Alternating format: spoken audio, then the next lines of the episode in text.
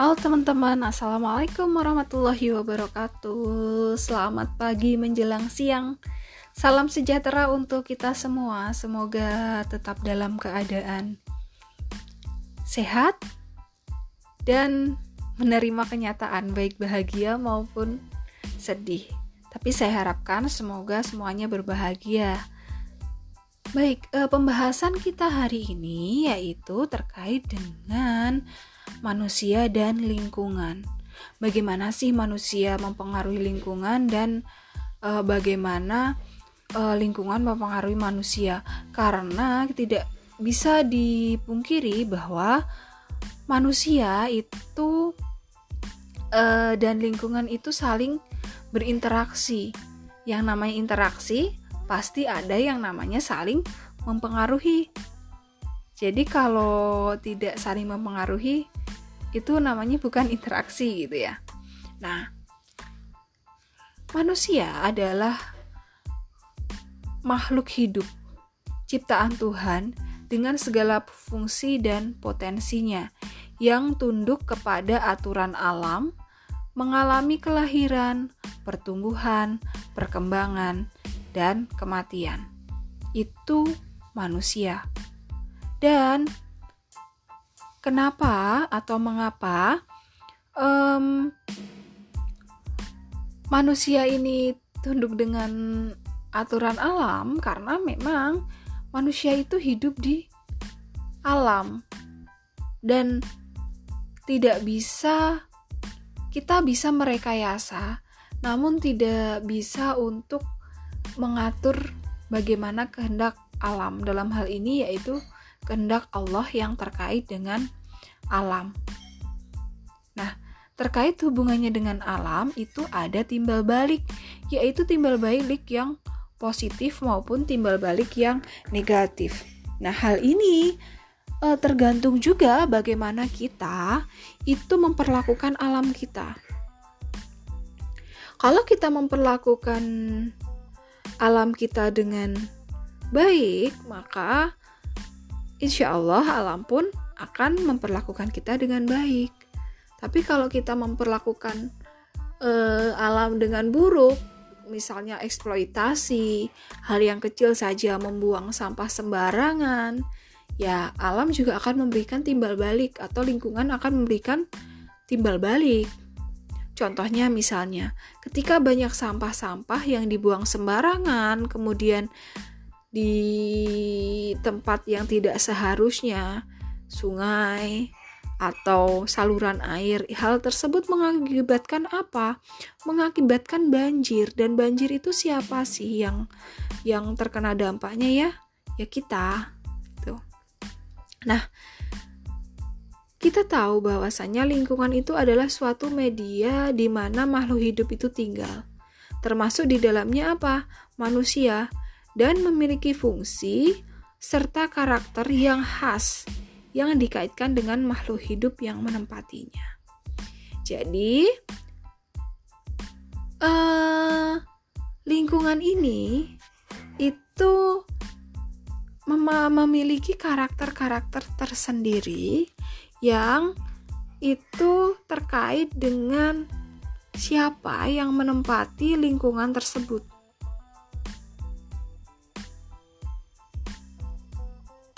Nah, kemudian berdasarkan Undang-Undang Nomor 23 Tahun 1997 tentang pengelolaan lingkungan hidup bahwa lingkungan hidup adalah kesatuan ruangan yang semua benda, daya, keadaan, dan makhluk hidup, termasuk manusia, karena manusia termasuk makhluk hidup ya, dan perilaku yang mempengaruhi kelangsungan kehidupan dan kesejahteraan manusia serta makhluk hidup lain. Di mana di undang-undang ini itu eh, mengatur tentang hal tersebut mengatur tentang hal-hal yang terkait dengan lingkungan dan manusia. Jadi, uh, ya, begitu teman-teman. apa yang kita lakukan kepada lingkungan itu akan agar timbal akan bertimbal balik kepada kita. Oleh karena itu, sebisa mungkin perlakukanlah dengan baik lingkungan tersebut. Uh, sekarang mulai banyak uh, yang mulai peduli dengan lingkungan karena apa ya? uh, sudah mulai banyak yang dia sadar bahwa lingkungan ini itu butuh yang namanya dijaga. Lingkungan ini itu butuh yang namanya direboisasi. Lingkungan ini itu butuh yang namanya istirahat sejenak, nggak nggak dieksploitasi oleh manusia. Banyak orang-orang yang mulai go green misalnya. Sekarang kan banyak sekali ya orang yang mulai go green. Jadi dia mulai misalnya tidak menggunakan sampah plastik. Karena apa? Karena sampah plastik itu dia bertahun-tahun eh, pe, apa ya peleburannya sedangkan kita menggunakan plastik tuh kayak ya sudah war-war saja gitu atau sudah menggunakan kapas misalnya. Kapas sekarang mulai banyak yang menggunakan kapas yang tidak sekali pakai atau kapas cuci. Atau misalnya pembalut, banyak yang sudah menggunakan pembalut yang dia modelnya cup gitu ya. Sorry ya untuk yang laki-laki.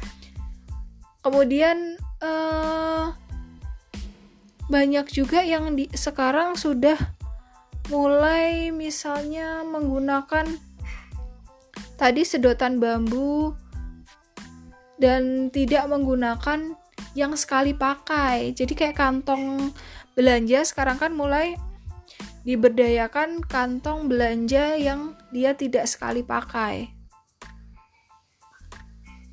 Itu adalah uh, salah satu cara menjaga lingkungan hal yang paling kecil yang untuk menjaga lingkungan itu yaitu tidak membuang sampah sembarangan. Atau misalnya kita mem memiliki plastik ya disimpan. Tidak dibuang tapi disimpan kemudian ketika kita mau meskipun itu plastik ya, ketika kita mau belanja atau apa ya bawalah plastik itu. Kemudian uh, lanjut ya, kita ke unsur-unsur lingkungan, yaitu unsur lingkungan itu ada tiga, yaitu biotik atau hayati, kemudian unsur sosial budaya dan unsur abiotik. Nah, unsur biotik ini yaitu unsur lingkungan hidup yang terdiri dari makhluk hidup. Manusia, hewan, tumbuhan, jasa ternik, itu adalah biotik. Kemudian ada yang namanya abiotik. Abiotik itu yaitu unsur lingkungan yang terdiri dari benda-benda atau hal-hal yang dia tidak hidup. Contohnya tanah, air, udara, iklim, cuaca. Itu adalah abiotik. Lalu ada sosial budaya, yaitu lingkungan sosial dan budaya yang dibuat oleh manusia, misalnya nilai-nilai, gagasan, keyakinan, perilaku uh, manusia itu adalah unsur-unsur sosial budaya. Nah, unsur sosial budaya ini juga bisa digunakan sebagai apa ya? Jadi, hal yang menjembatani untuk menjaga unsur biotik dan abiotik. Misalnya e, larangan membuang sampah sembarangan, denda dan lain-lain. Jadi e, kalau mungkin e, teman-teman yang sudah pernah di luar negeri ya, di luar negeri itu bersih karena nilai dan gagasan termasuk peraturan terkait dengan lingkungan itu uh, kita uh, mungkin di luar negeri di luar negeri di sini maksudnya yaitu misalnya Singapura gitu ya, Jepang, itu negara yang cukup bersih. Karena itu peraturannya, nilainya itu tegas menetapkan tentang kebersihan. Buang sampah sembarangan di Singapura itu didenda.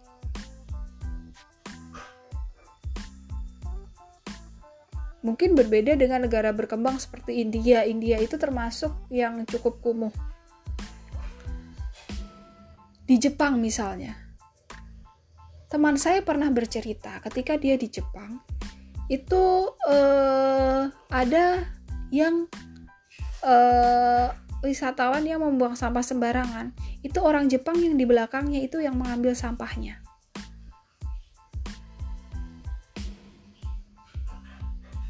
jadi memang nilai keyakinan gagasan perilaku peraturan itu merupakan hal yang penting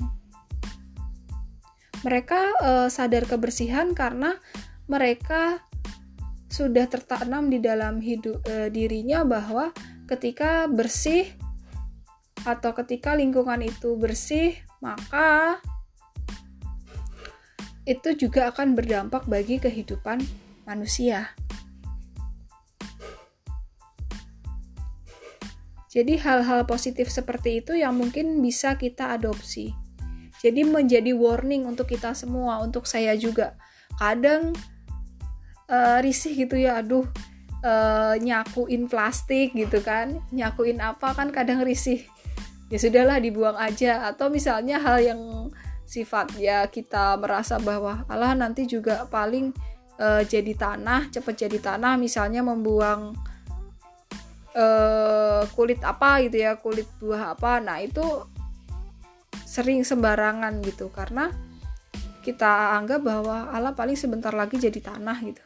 Mudah untuk didaur ulang atau mudah untuk membusuk dan lain-lain. Padahal sebenarnya itu juga hal-hal yang tidak tidak tepat.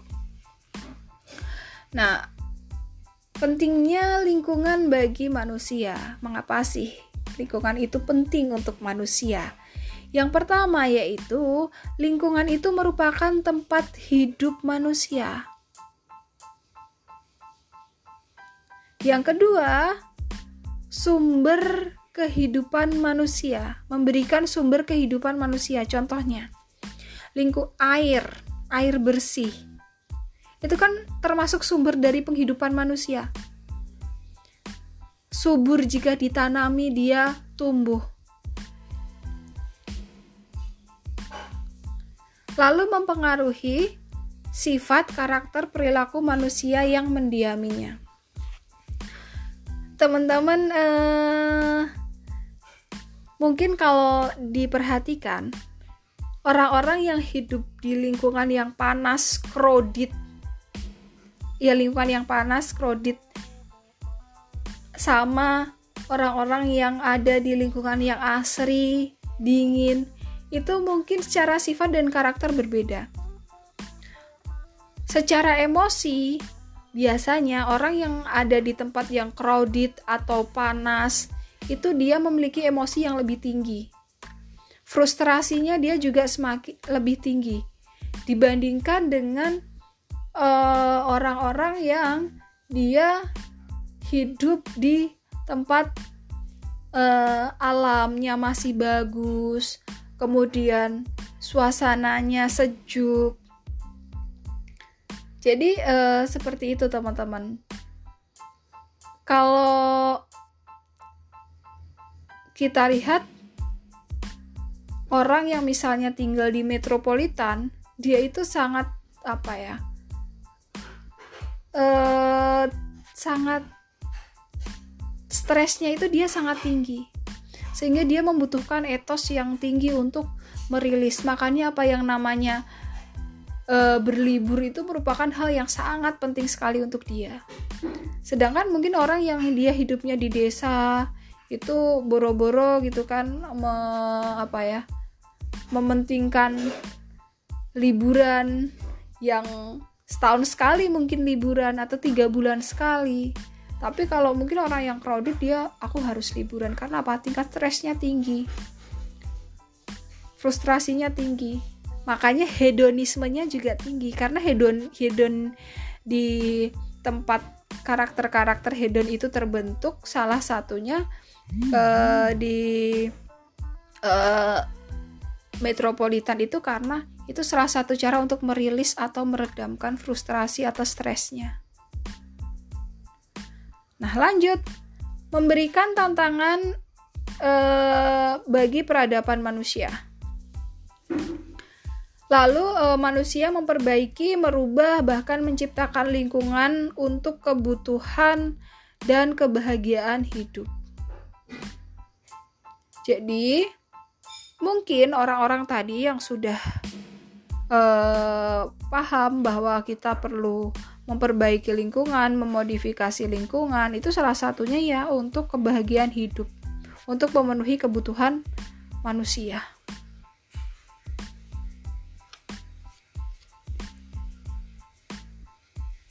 Selanjutnya yaitu terkait dengan kualitas lingkungan penduduk terhadap kesejahteraan.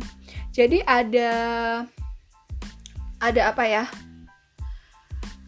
Ada hubungan antara kualitas lingkungan penduduk terhadap kesejahteraan penduduk. Jadi manusia menginginkan lingkungan sebagai tempat maupun sumber kehidupan yang dapat mendukung kesejahteraan hidupnya. Melalui apa? Melalui iptek, manusia mengusahakan lingkungan yang unhabitable menjadi lingkungan yang habitable.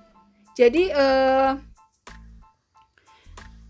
dulu mungkin eh, orang itu hidup di hutan dengan sedemikian rupa sehingga. Nah, kemudian manusia merasa uh, seiring dengan perjalanan zaman mungkin manusia menganggap bahwa ah ini nggak habitable deh. Ini bukan habitat yang bagus. Kemudian dengan iptek dia menciptakan iptek dia menciptakan lingkungan yang itu menurut dia ya ling, uh, lingkungan hidup tuh yang seperti ini ini yang menurut orang-orang itu nyaman itu yang seperti ini. Misalnya lebih dipermudah lagi uh, aksesnya dan lain-lain. Jadi habitat yang menurut orang atau manusia itu nyaman seperti apa, maka uh, manusia itu akan mencoba untuk uh, memodifikasi lingkungan itu. Agar apa? Agar e, mendukung kesejahteraan hidupnya.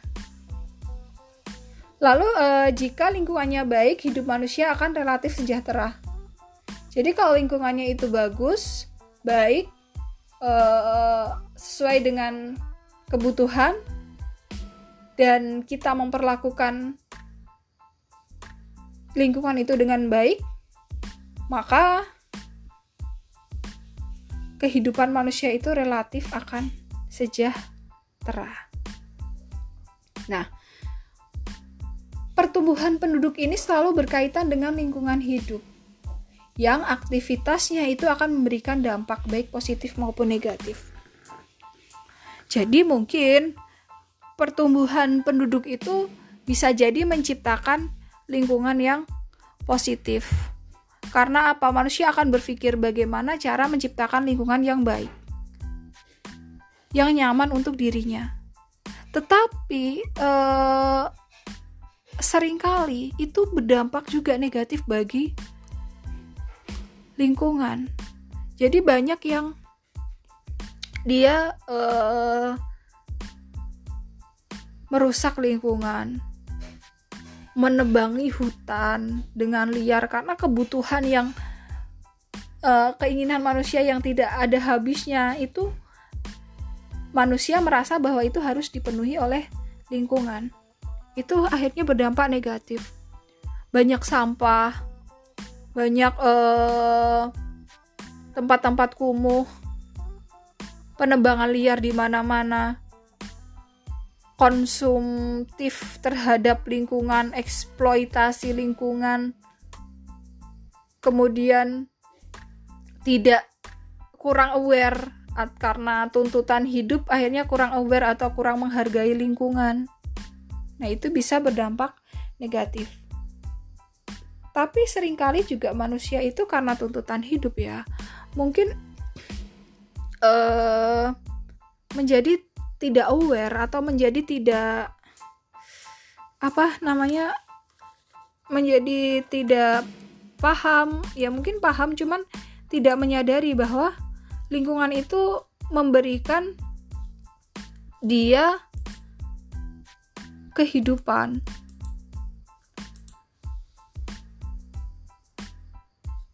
Tapi dia nggak nggak paham gitu loh uh, ketika kita merusak lingkungan atau kita tidak sadar terhadap lingkungan, tidak menjaga lingkungan, itu tuh nanti akan berbalik kepada kita.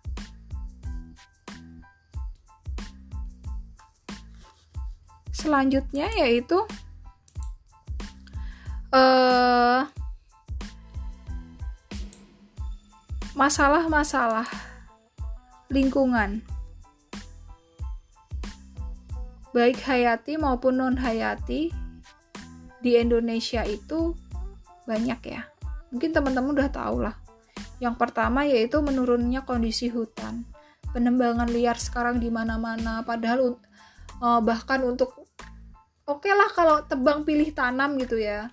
Kita menganggap bahwa itu ya udahlah itu untuk memenuhi kebutuhan mereka. Tapi kalau udah tebang tidak pilih dan tidak menanam, apalagi untuk membuka lahan sengaja untuk dibakar. Itu kan uh, sangat miris sekali. Lalu kerusakan uh, daerah aliran sungai. Bisa jadi ini karena limbah bisa jadi karena sampah. Nah buruknya buruknya alam buruknya air buruknya saluran air, e, buruknya kualitas air itu juga menyebabkan ekosistem dan laut ini semakin rusak. Karena apa? Karena manusia maunya misalnya e, banyak yang dia ingin mendapatkan ikan tapi dengan misalnya bom yang itu merusak terumbu karang yang seperti itu sehingga yaitu ekosistemnya mulai rusak penebangan hutan juga mulai banyak hewan-hewan yang tidak dapat habitat atau e, misalnya membakar hutan banyak sekali mungkin hewan-hewan yang mati karena ikut terbakar. Lalu e, citra pertambangan yang merusak lingkungan. Jadi e, dilema juga ya ketika tambang ini terus dieksploitasi sedemikian rupa tidak hanya untuk memenuhi kebutuhan masyarakat Indonesia, tapi juga untuk memenuhi kebutuhan orang-orang yang ada di luar. Nah, ini juga ketika tidak tidak diperhatikan itu merusak lingkungan. Kemudian tingginya ancaman terhadap keanekaragaman hayati. Kita mulai tahu ya bahwa banyak sekali tanaman-tanaman yang sekarang mulai punah hewan-hewan yang sekarang yang beraneka ragam itu yang mulai punah. Lalu pencemaran air semakin meningkat karena eh apa ya? Karena manusia itu mulai banyak, kebutuhan banyak dan manusia tidak sadar lingkungan, membuang limbah sembarangan, kemudian uh, membuang sampah sembarangan, kemudian tidak menjaga kebersihan lingkungan. Nah, itu menyebabkan pencemaran. Kemudian kualitas udara yang semakin menurun. Otomatis emisi sekarang sudah banyak sekali. Ya. Efek dari rumah kaca sekarang hampir semuanya uh, di negara uh, di kota-kota metropolitan mulai menggunakan eh, gedung-gedung dengan kaca yang itu bisa merusak ozon. Sedangkan uh, hal ini juga berpengaruh terhadap udara, berpengaruh terhadap cuaca. Cuaca kita sekarang kan sudah tidak uh, sudah tidak kayak uh, dulu ya. Mungkin dulu kita tahu bahwa oh musim hujan itu apa sampai apa cuacanya panas itu uh, kalau musim seperti ini sekarang sudah tidak bisa diprediksi lagi. Ya itu salah satunya karena uh, mungkin lingkungan kita mulai berubah. Kualitas udara menurun juga karena tadi polusi mulai banyak emisi mulai banyak